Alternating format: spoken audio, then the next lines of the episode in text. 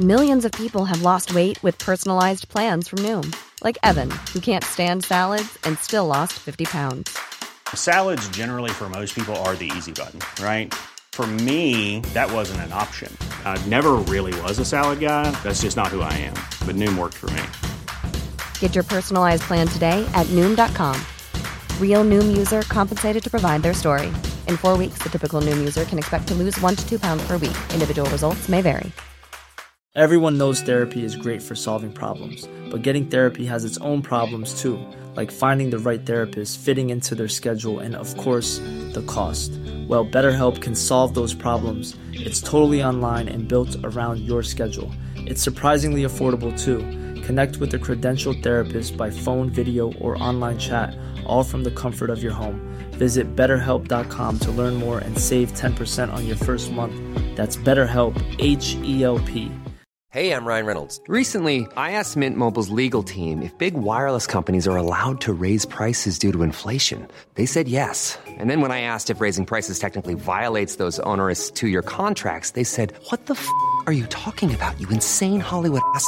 F- So to recap, we're cutting the price of Mint Unlimited from $30 a month to just $15 a month. Give it a try at mintmobile.com slash switch. $45 upfront for three months plus taxes and fees. Promo for new customers for limited time. Unlimited more than 40 gigabytes per month. Slows. Full terms at mintmobile.com. Fanns Jesus på riktigt? I 300 000 år har människan lallat omkring. Och det här är vad de ställt till med.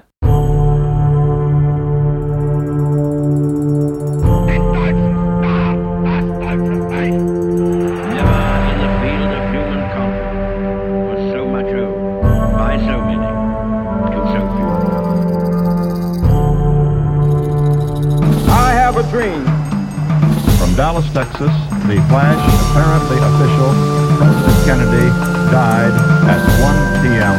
Central Standard Time. That's one small step for man, one giant leap for mankind. Statsminister Olof Palme är död. Eftermiddag. World Trade Center i New York brinner. Nu blir det historia med Dan Hörning och Cornelia Boberg.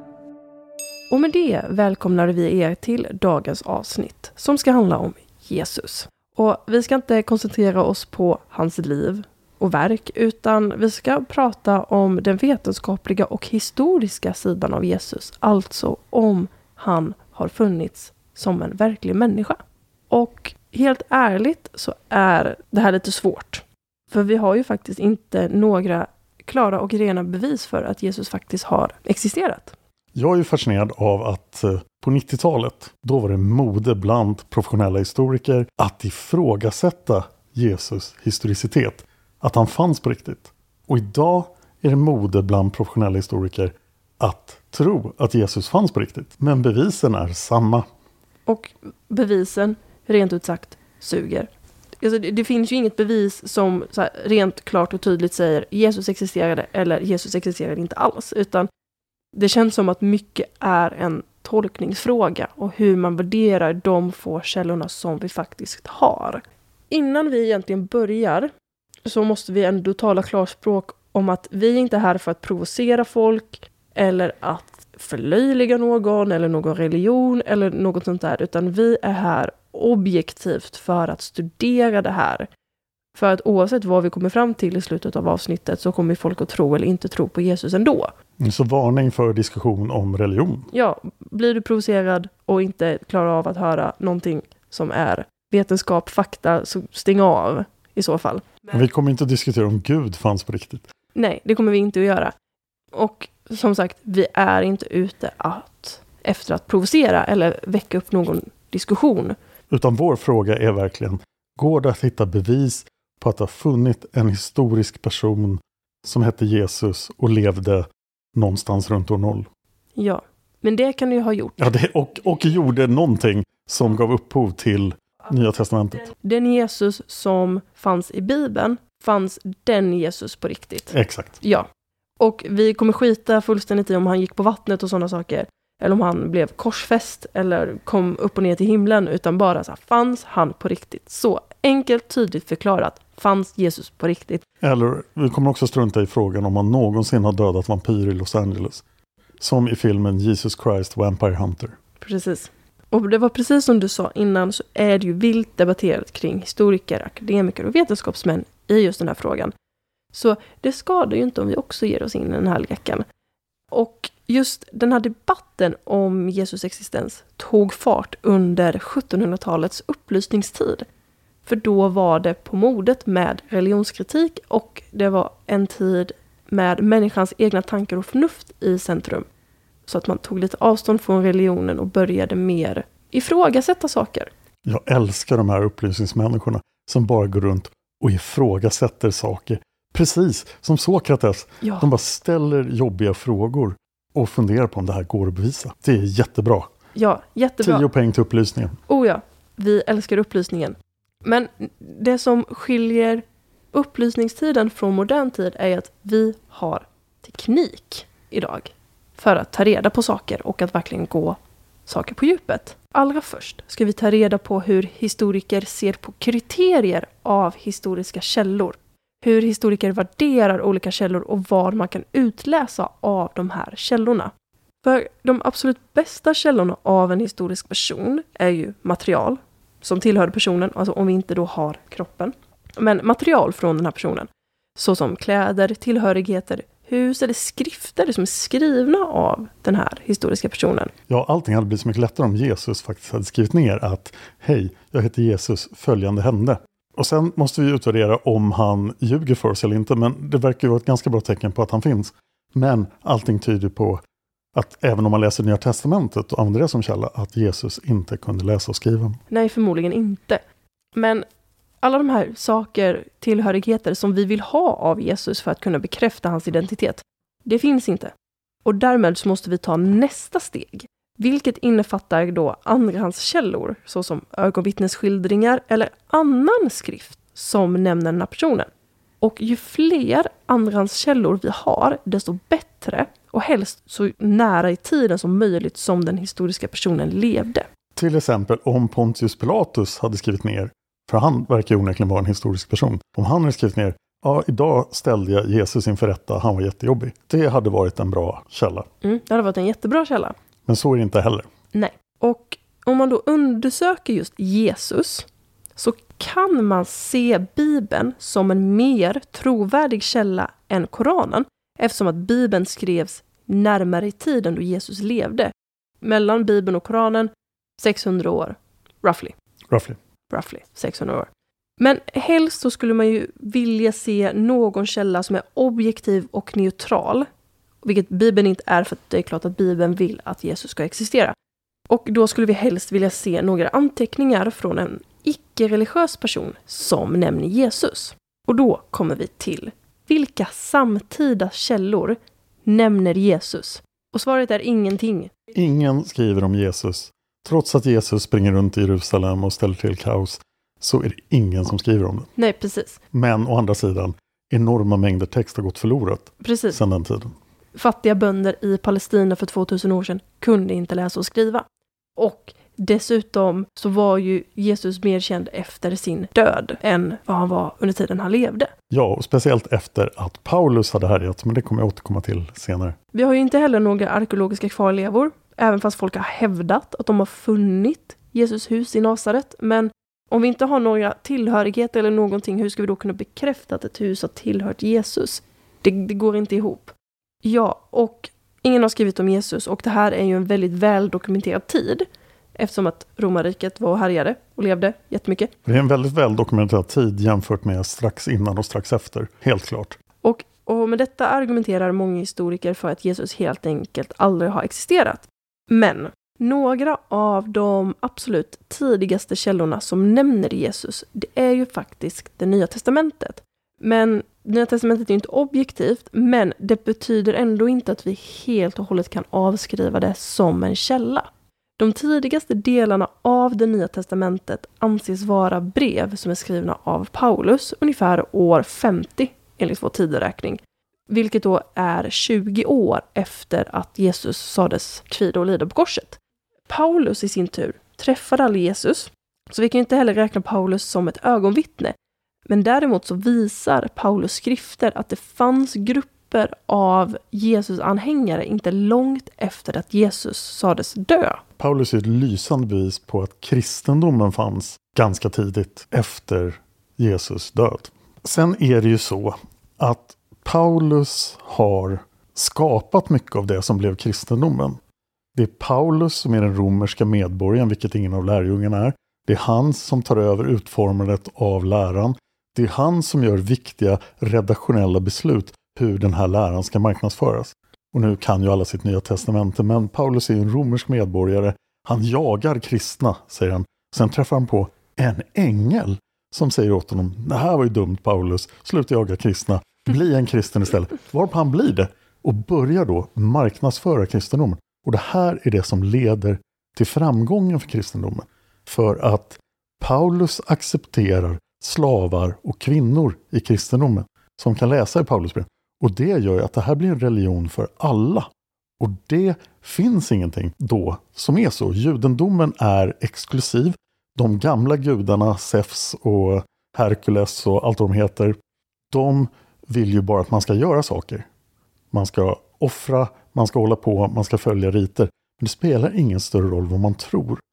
Den enda religionen på den här tiden som bryr sig om vad man tror är judendomen. Och den är ganska exklusiv. För judarna vill inte att alla ska vara judar. Men Paulus vill att alla ska vara kristna. Så han bestämmer att de kristna inte längre är judar. För Jesus var en jude. Och dessutom fattar han kanske det viktigaste beslutet för kristendomens spridande. För Petrus, som ju är den främste lärjungen och den första påven och så vidare, han är också inne på att de ska fortsätta vara judar. Men att vara jude innebär omskära sig. Och Paulus ser svårigheten i att marknadsföra kristendomen om alla män måste skära sig i sitt kön. Det är inte bra. Så han släpper kravet på omskärelse, vilket är en av nycklarna till kristendomens framgång. Det tar några hundra år innan den blir riktigt populär. Och då kan man ju också förstå det i den här tiden. Det, det hade ju varit Ja. svårt för en ny religion på det här viset skapas idag och nå sån framgång. Men på den här tiden så var det ju ganska lätt. Ja, det var det ju. Det var ju någonting helt nytt och det är ju världens mest framgångsrika religion. Ingen religion har haft så här mycket anhängare någonsin och har än idag mer än någon annan religion. Oh ja, och att det även har kunnat sprida sig till så många olika förgreningar. Men Paulus tog då någonting och gjorde det till kristendomen. Och upphöjde den här personen som kanske hade funnits då. Men han är ju ändå ett starkt bevis. Eller en starkt indicie på att Jesus var en verklig person. Eftersom han lyckas göra så mycket med den här mannens död. Utan att någonsin ha träffat honom. Och ska man vara lite konspirationsteoretisk skulle man kunna ställa sig frågan, är det möjligt att Paulus helt enkelt har hittat på det? Ja, det känns ju som att han har agens för att göra det. Mm. Han är väldigt handlingskraftig och en jätteduktig marknadsförare. Och vi säger att Paulus vaknade upp en dag och bara nu ska jag hitta på en egen religion och jag ska hitta på den här superballa människan. Har ingen annan tänkt på det tidigare? Jag tror ju att han har träffat några som har pratat om Kristus för honom och tänker ja det här låter ju bra men jag kan ändra det. Jag Jag, kan, så här, jag kan spinna vidare lite på jag kan det. fila till det här. Låt mig ta er idé och göra den bättre. Nu tror jag Ah, redan en jag har hädat här. Han är en marknadsförare. han är deras PR-agent de har hyrt in. Ah, Och vi har ju någorlunda bra tecken på när Paulus och Petrus dör i Rom under kejsar Nero. Och där nämns ju även de kristna. När Rom råkar brinna ner och Nero behöver hitta någon att skylla på. Och så tar han ur högen då de kristna. Så vi vet att Nero skyllde på de kristna, att det fanns kristna när Rom brann. för att Paulus i sig skriver inte jättemycket om Jesus liv i sig, utan han nämner ju bara honom. Är egentligen evangelierna som skildrar Jesus liv och vad han gjorde. Evangelierna var inte skrivna av Jesus lärjungar, utan de var skrivna mycket senare. Det tidigaste evangeliet är Markus evangeliet och det är skrivet ungefär runt år 70. Lukas evangeliet är skrivet ungefär runt år 80 till 85. Och det sista evangeliet, det är Johannes evangeliet och det är skrivet ungefär runt år 90. Så evangelierna är inte skrivna av dem som det står att de är skrivna av. Markus evangeliet är alltså inte skrivet av Markus, Lukas evangeliet är inte skrivet av Lukas. Och det kan man lätt upptäcka när man läser dem, för de är ju välbevarade. Vi vet att i gamla biblar så är det samma text. Och det är inte så att Markus evangeliet reagerar när Markus är med i handlingen. Det är inte så här, jag, Markus, gjorde det här. Utan Markus är bara en person som evangeliet nämner. utan de här namnen har tillkommit senare. Och Nya Testamentet sammanställdes strax efter att Gamla Testamentet sammanställdes. Någonstans i andra halvan av det andra århundradet. Då hade man 30 evangelier, inte fyra. Var har de tagit vägen? Ja, man hade en audition i princip, där man gick igenom alla evangelier och tyckte vilka passar ihop? Och berömda evangelier som har försvunnit är ju då speciellt Thomas evangeliet är det mest berömda. Men min favorit är ju då, jag vet inte vad det heter på svenska, Infancy Gospel, där Jesus barndom är med. Och den är ju väldigt lite med i de fyra publicerade evangelierna. Men man kan ju inse att den här processen har hänt. För att när du läser de fyra evangelierna, bara att Jesus berättelse är berättad fyra olika gånger. Och den är berättad på fyra olika sätt. Och de stämmer inte med varandra. Det värsta exemplet är att Jesus dör på olika dagar i de olika evangelierna. Men det här var de fyra bästa. Och i och med att Johannes evangeliet fick vara med, och det är i princip skrivet av en tokig eremit på Cypern. Och han hette inte Johannes.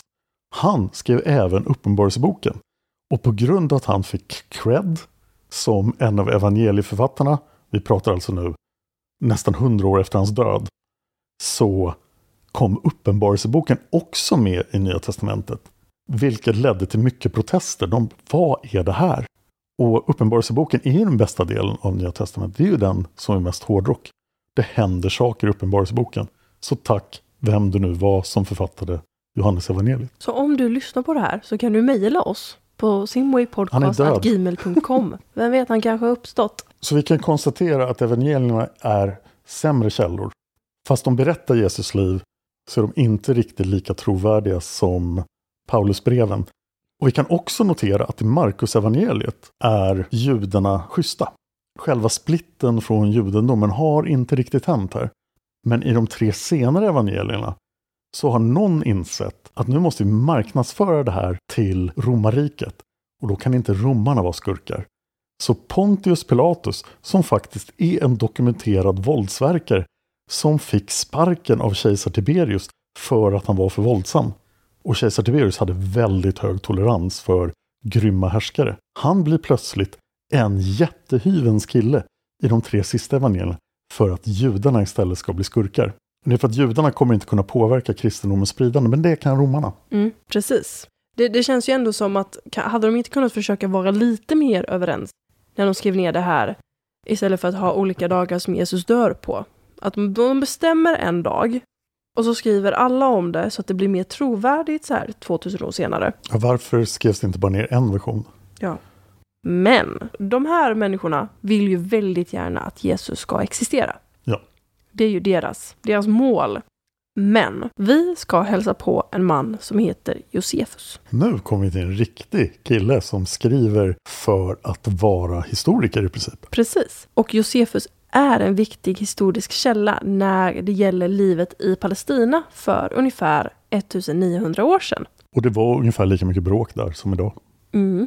I sin bok Antiquities, som skrevs år 93, berättade Josefus om en händelse som ägde rum ungefär runt år 62, enligt vår tideräkning. Det är en religiös ledare vid namn Anasis som ska ha missbrukat sin makt och fått flera människor avrättade.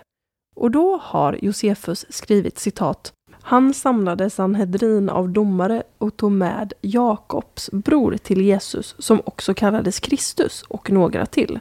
Efter att han format en anklagelse mot dem som lagbrytare överlämnade han dem till att stenas. Och det här indikerar inte bara att Jesus såg som Kristus Messias, utan han hade tydligen en brorsa. Så Paulus bråkade med Jakob om judarna skulle omskäras eller inte. Och det var också han som hävdade att de kristna skulle fortsätta vara judar. Så hans anhängare kallades judekristna, men de försvann ganska fort i historien efter Paulus bravader. Men Josefus slutade inte bara upp där med att prata om Jesus. Han skrev även i Testimonium Flavinanumus citat. Vid denna tid framträdde Jesus, en vis man, ty han var en utövare av häpnadsväckande handlingar, en lärare för människor som tar emot sanningen med nöje. Och han fick en anhängare bland många judar och bland många av icke-judiskt ursprung. Och när Pilatus, på grund av en anklagelse från de ledande männen bland oss, dömde honom till korset, upphörde inte de som tidigare hade älskat honom att göra det. Ty han uppenbarade sig för dem på tredje dagen levande igen, precis som de gudomliga profeterna hade talat om, och otaliga andra underliga ting om honom. Och fram till denna dag har det kristnas stam, uppkallad efter honom, inte dött ut. Och detta skulle då vara skrivet ungefär runt år 93-94 enligt vår tideräkning. Och Josefus menar ju då att Jesus ska ha uppstått på tredje dagen, som det också menas att han gör i Bibeln. Och med största sannolikhet så är den här delen manipulerad i efterhand. Josefus var jude som aldrig konverterade till kristendomen. Så han skulle förmodligen aldrig referera till Jesus som Guds son och inte heller att han skulle ha uppstått på den tredje dagen. Så det är accepterat av historiker att den här texten är kryddad i efterhand av kristna anhängare. Däremot, om vi ser förbi detta så ger det oss faktiskt en hel del bevis i vår lilla undersökning. Nämligen att det ska ha funnits en man vid namn Jesus som ansågs vara vis och som fick många judiska anhängare. Och även en Jesus som ska ha korsfästs och fått inflytande efter sin död. Om man ska vara djävulens advokat där, vilket passar ganska bra i en diskussion om Jesus, så skriver alltså Josefus för en romersk publik.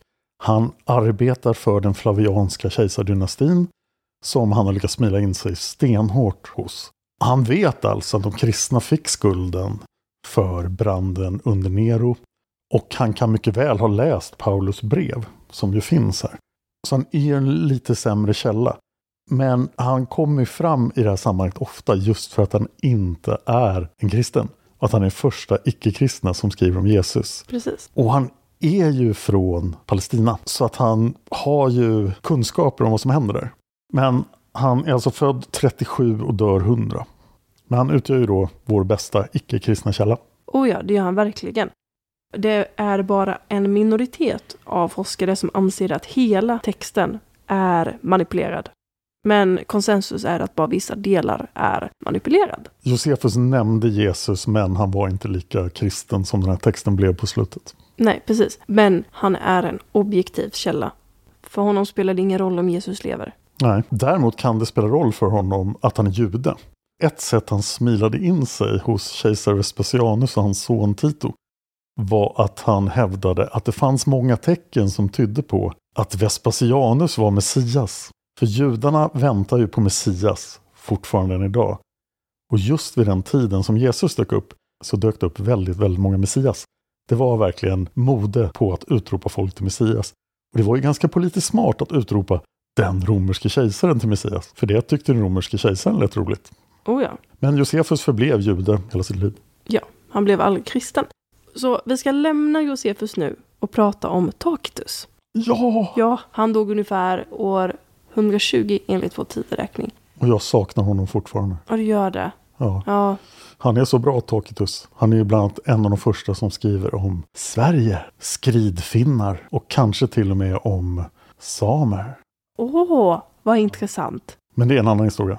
I en av hans skrifter från år 115 skrev han om den stora branden som bröt ut i Rom år 64. Men han skrev även citat Nero anklagade falskt de kristna. Ledaren med namn Kristus blev straffad till döden av Pontius Pilatus under tiden som Tiberius var kejsare. Men den farliga vidskepelsen undertrycktes för ögonblicket, bröt inte ut igen, inte bara i Judea, ursprunget till denna ondska, utan även i staden Rom. Och han var inte en fan av Jesus. Så det finns ju ändå då vissa saker som vi med stor säkerhet kan veta och som då är accepterat bland historiker och utbildade människor. Och det är att Jesus ska ha varit en judisk man som föddes i Nasaret ungefär runt år 4 före vår tideräkning. Under sin levnad lyckades Jesus attrahera flera anhängare genom predikningar, Minst tolv. Eftersom att det då, precis som du nämnde innan, verkade som att Guds rike snart skulle ankomma. Runt år 30 enligt vår tideräkning så ska Jesus ha väckt misstankar från de styrande efter att Jesus och hans anhängare skapat kaos i Jerusalem. Förmodligen för att myndigheterna såg Jesus som något hot. Vilket resulterat i Pontius Pilatus lät avrätta honom med korsfästning. Jesus anhängare verkade relativt säkra på att Jesus på något sätt skall ha kommit tillbaka efter sin död. Och baserat på historiska källor kan vi vara säkra på just det här. Och detta är det vi kan veta med någon form av säkerhet. Och resterande av Jesus liv hamnar i en kategori av spekulationer och teorier. Och en professor i religionshistoria vid universitetet i North Carolina menar att bilden av att Jesus var en gudomlig skapelse utvecklades gradvis under åren som efterträdde Jesus död. Och då ska den vara influerad av grekisk mytologi och religion. Men det finns lite olika teorier kring allt det här som har fått starkt uppsving och vi ska gå igenom dem. Idén om att Jesus inte existerat som en historisk person på det viset som det skildras i Nya Testamentet kallas för Jesusmyten eller Kristusmyten. Vilket menas att Nya Testamentet inte beskriver en fysisk verklig person utan snarare en fiktiv eller mytologisk person som skapades av de tidiga kristna. Detta eftersom Jesus själv inte lämnade några skrifter efter sig samt att det inte finns bevis för att evangelisterna ska ha levt samtidigt som Jesus. Dessutom att det inte då skulle funnits en historisk oberoende källa som talar om Jesus.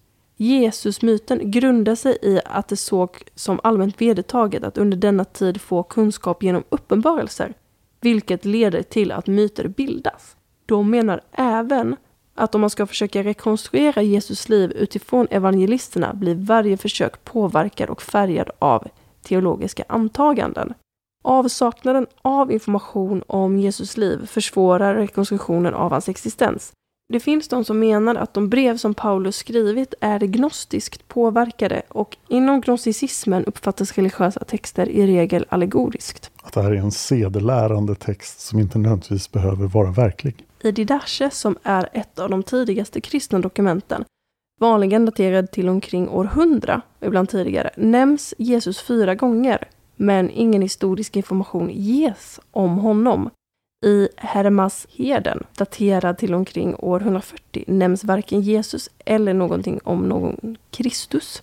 I Barnabasbrevet, skrivet mellan år 70 till 131, finns inte heller några säkra historiska informationer om Jesus, även om han omnämns. Och detsamma gäller första Clemensbrevet från omkring år 95. Kritiker mot den här Jesusmyten som vi talar om menar att avsaknaden av detaljer gällande Jesus liv inte var Paulus avsikt. Snarare var Paulus texter hastigt skrivna och oftast handlade de om konflikter inom församlingar, etiska frågor och relationer mellan kristna av judisk börd och kristna med hednisk bakgrund. Det är ju talande i Paulusbreven hur ofta han är förbannad på församlingar som ligger långt bort som han försöker styra upp. Och då måste jag dra mitt favoritdekret från Paulus. När Paulus berättar för en församling att, för de undrar lite, hur eh, ska man göra med sex? Sex är skönt och vi måste ju få barn så att det kan bli mer kristna. Och då säger Paulus nej, sluta ha sex. Det är helt meningslöst att ha sex. Ha aldrig någonsin sex. Eftersom Jesus kommer att komma tillbaka under vår levnad. Så sluta ha sex. Som tur var lydde församlingen inte det här. Så de fortsatte få barn och det finns fortfarande kristna än idag. För hade de kristna lytt Paulus här så hade ju religionen öppet. För Jesus har ju inte vad vi vet kommit tillbaka än. Nej, nej, han har ju inte det. Inte än i alla fall. Men tänk vad jobbigt det skulle bli för honom att komma tillbaka idag och försöka bryta igenom mediebruset. Ja, men det hade ju inte gått. Folk hade bara fake news. Förmodligen. Egentligen jag kan tänka mig att Jesus kanske startar en blogg, går ut och propagerar, kanske bildar något politiskt parti. Snapchat. Ja, men han, TikTok. han måste ju också bevisa att han är magisk och att Gud är hans farsa. Så då måste han ju samla alla människor, göra något hokus pokus som får oss att vara övertygade om att han faktiskt är Jesus och att han kan rädda oss. Det skulle ju vara ganska avslöjande med ett DNA-test på om man kom tillbaka så visar det att halva din DNA är gudomlig. Vi måste ju ha något gudomligt DNA för att matcha det med. Ja, men det kanske bara lyser och har enorma värden. Och... Jag kan eh, inflika en liten reflektion över vår tideräkning. Vi säger ju enligt vår tideräkning inte efter Kristus. Men det är ju fascinerande att evangelierna innehåller så mycket fel att vi vet att Jesus inte kan ha varit född år noll. Precis. Ett argument för det är en komet som passerar år fyra före vår tideräkning. Och det är ju då Betlehems stjärna tror man. Men ett mycket starkare bevis på att evangelierna har fel är Herodes. Han hör ju att Jesus ska födas och nu måste han döda alla barn. Det är vi ganska säkra på inte hände. Vi vet att Augustus inte försökte räkna folk. För vi vet när romarna hade sina folkräkningar. Men det mest talande är att Herodes dör år fyra före vår tidräkning. Så han kan inte ha varit särskilt bekymrad om Jesus föddes år noll. Nej. Så därför brukar det dateras till år fyra före. Vilket ju är ganska tydligt tecken på att evangelisterna inte har koll på allting. Nej, de har ju så jävla dålig koll. Och folk som säger före eller efter Kristus, de menar ju år noll. Men är ju inte år noll, för det är ju år fyra, innan noll. Precis, men det är år noll enligt vår tidräkning. Ja, precis. Så därför blir det mer lätthanterligt att säga före eller enligt vår tidräkning. Och vi ska vara väldigt tacksamma att vi har den här tidräkningen. För innan dess så räknade vi ju kejsarår i Rom och konsulår i Rom. Så du kunde inte säga det här hände år 14 och du måste säga det här hände i konsul Kalle och konsul Lasses år. Och så bara vänta, var det före konsul Einar och konsul Torkel? This is so hard. Så tack tidräkning. Men om vi ska återgå till Jesusmyten. För argumentet för Jesusmyten utgår emellertid från premissen att redogörelse för Jesu liv borde finnas i Paulus brev. Något som inte anses stämma överens med dåtidens krav på veracitet. Eh, För Jesus gjorde knappast något inflytande på samtiden utan han har ju mer blivit känd långt senare, vilket har gjort det irrelevant för samtida författare och historiker att ens nämna Jesus. De dödade honom innan han hade kommit igång ordentligt. Stuff needed to happen.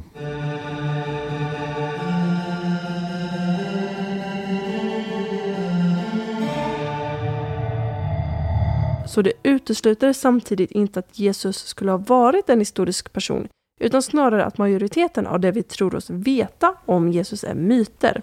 Men vi hoppar vidare till den ahistoriska hypotesen, som är besläktad med Jesusmyten. Det som skiljer Jesusmyten från den ahistoriska hypotesen är den att Jesusmyten menar att det vi tror oss veta om Jesus är myter, men det utesluter inte att han har existerat som en historisk person. Den ahistoriska hypotesen menar att den Jesusgestalt som beskrivs i Bibeln inte grundade sig på någon historisk person. Och när man forskar i historia så kan man inte alltid uppnå fullständig sanning.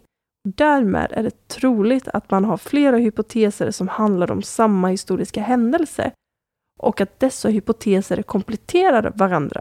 Så när det gäller Jesus är två av följande hypoteser sanna. Antingen har han existerat som en historisk person eller så har han inte gjort det. Ganska heltäckande. Precis. Den ahistoriska hypotesen grundar sig bland annat på 1. Brist på omnämnande av Jesus i samtida historiska texter. 2.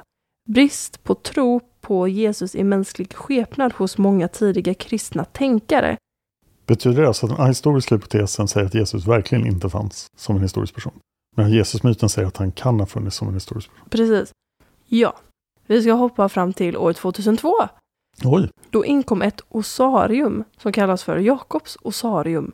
Det var en rektangulär låda av sten som var väldigt vanlig i Palestina under perioden cirka 20 år före vår tideräkning till 70 efter vår tideräkning, eller 70 enligt vår tideräkning. Och som har påträffats i tusentals. Det finns jättemånga sådana här. Så en judisk meddelandelåda. Mm. Vid denna tid hade judarna för vana att sedan en kropp förruttnat så lät man begrava benen i en annan begravning genom att lägga dem i ett kärl. Och det är osarium. Ja. Dessa osarier bär ofta inskriptioner. Och just denna hade en inskription som löd någonting, men som betydde Jakob, son till Josef, bror till Jesus. Oh! Mm. Osariet är daterat till den period då judarna begravde sina döda på det här sättet. Den vetenskapliga debatten gäller dock inte osariets ålder, utan inskriptionens ålder. När osariet uppmärksammades ansågs fyndet vara av stor betydelse eftersom man såg möjligheten till det första arkeologiska beviset för att Bibelns Jesus existerat. Vilken grej! Mm. Enligt Andrei Lemaire, som beskrev inskriptionen i Biblical Archaeology Review, kan ha funnits ungefär 20 personer som stämmer in på den här beskrivningen. Ja, Josef och Jakob är väldigt vanliga judiska namn. Precis. Men vi ska vända oss till Rochelle Altman som är expert på inskriptioner, som också är historiker med inriktning på skriftsystem. som har undersökt den här lådan och fastslagit att Jakob, son till Josef, är äkta, men bror till Jesus är en dålig förfalskning. Synd att det inte var en bra förfalskning. Det hade kunnat gå hela vägen. Ja, fan. Dåligt förfalskaren. Jävligt, jävligt dåligt.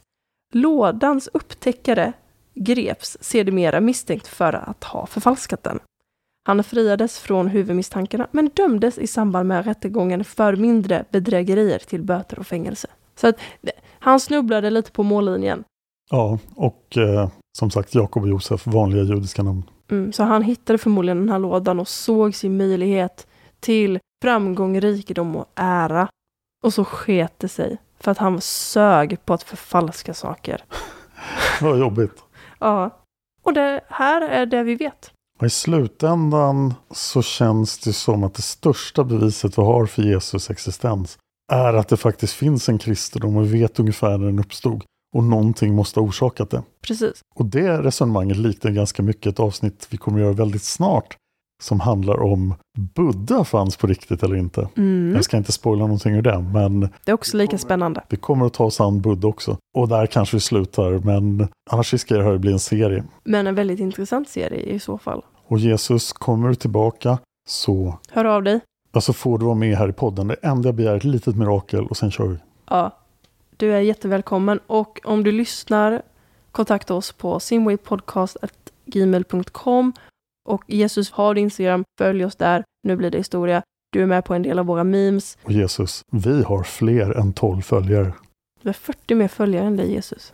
Du kan inte räkna hur många följare. 62. Ja, det är 50 mer följare än Jesus. Okej, Jesus, du får räkna Maria Magdalena också. Så är det.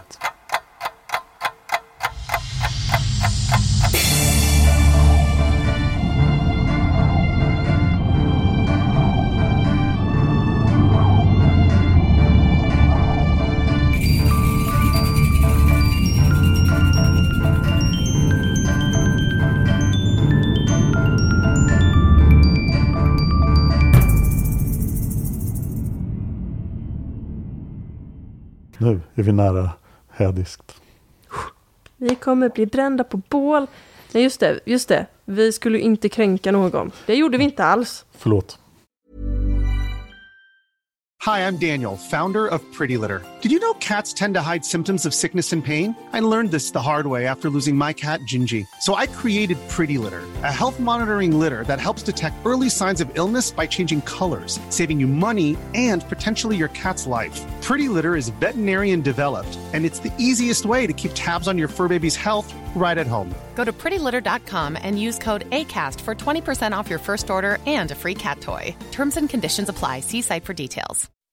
When you make decisions for your company, you look for the no brainers. If you have a lot of mailing to do, stamps.com is the ultimate no brainer. Use the stamps.com mobile app to mail everything you need to keep your business running with up to 89% off USPS and UPS. Make the same no brainer decision as over 1 million other businesses with stamps.com. Use code PROGRAM for a special offer. That's stamps.com code PROGRAM.